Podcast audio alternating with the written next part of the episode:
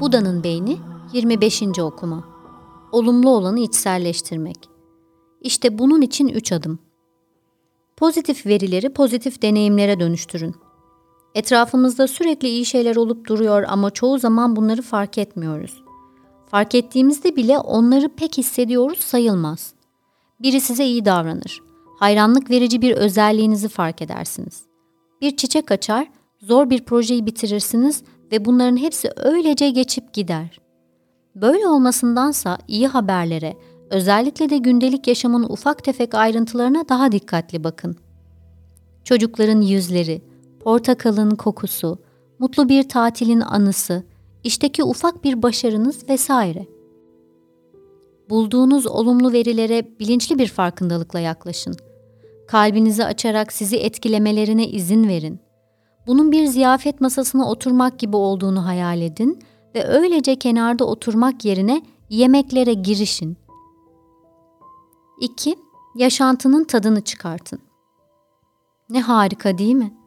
Bu yaşantıyla 5, 10 ve hatta 20 saniye boyunca kalın. Dikkatinizin dağılmasına izin vermeyin. Bir şey ne kadar uzun süre farkındalığınızda kalırsa duygusal açıdan o kadar uyarıcıdır.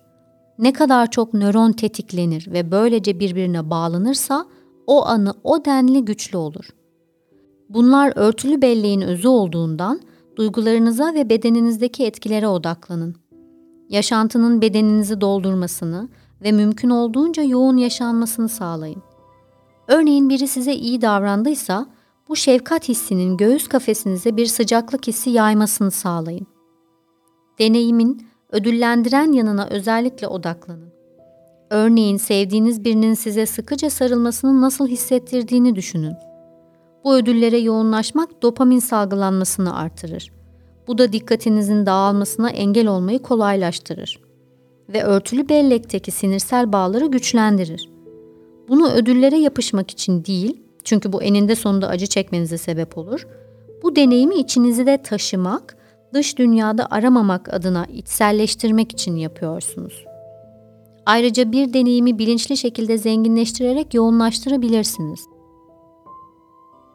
Örneğin bir ilişki yaşantısının tadını çıkarıyorsanız, başkaları tarafından da sevilme hislerini hatırlayabilirsiniz. Bu da bağlanma hormonu olan oksitosini uyarmaya yardımcı olur ve bağlılık hislerinizi daha da derinleştirir. Ya da çetin bir projeyi tamamladıktan sonra gelen tatmin hissini üstesinden geldiğiniz bazı zorlukları düşünerek pekiştirebilirsiniz. 3. Bu deneyimin zihninizin ve bedeninizin derinliklerine işlediğini hissedin ya da hayal edin. Tıpkı tişörtünüze nüfuz eden güneşin ısısı, süngerin suyu emişi ya da kalbinizdeki bir hazine sandığına yerleştirilen bir mücevher gibi.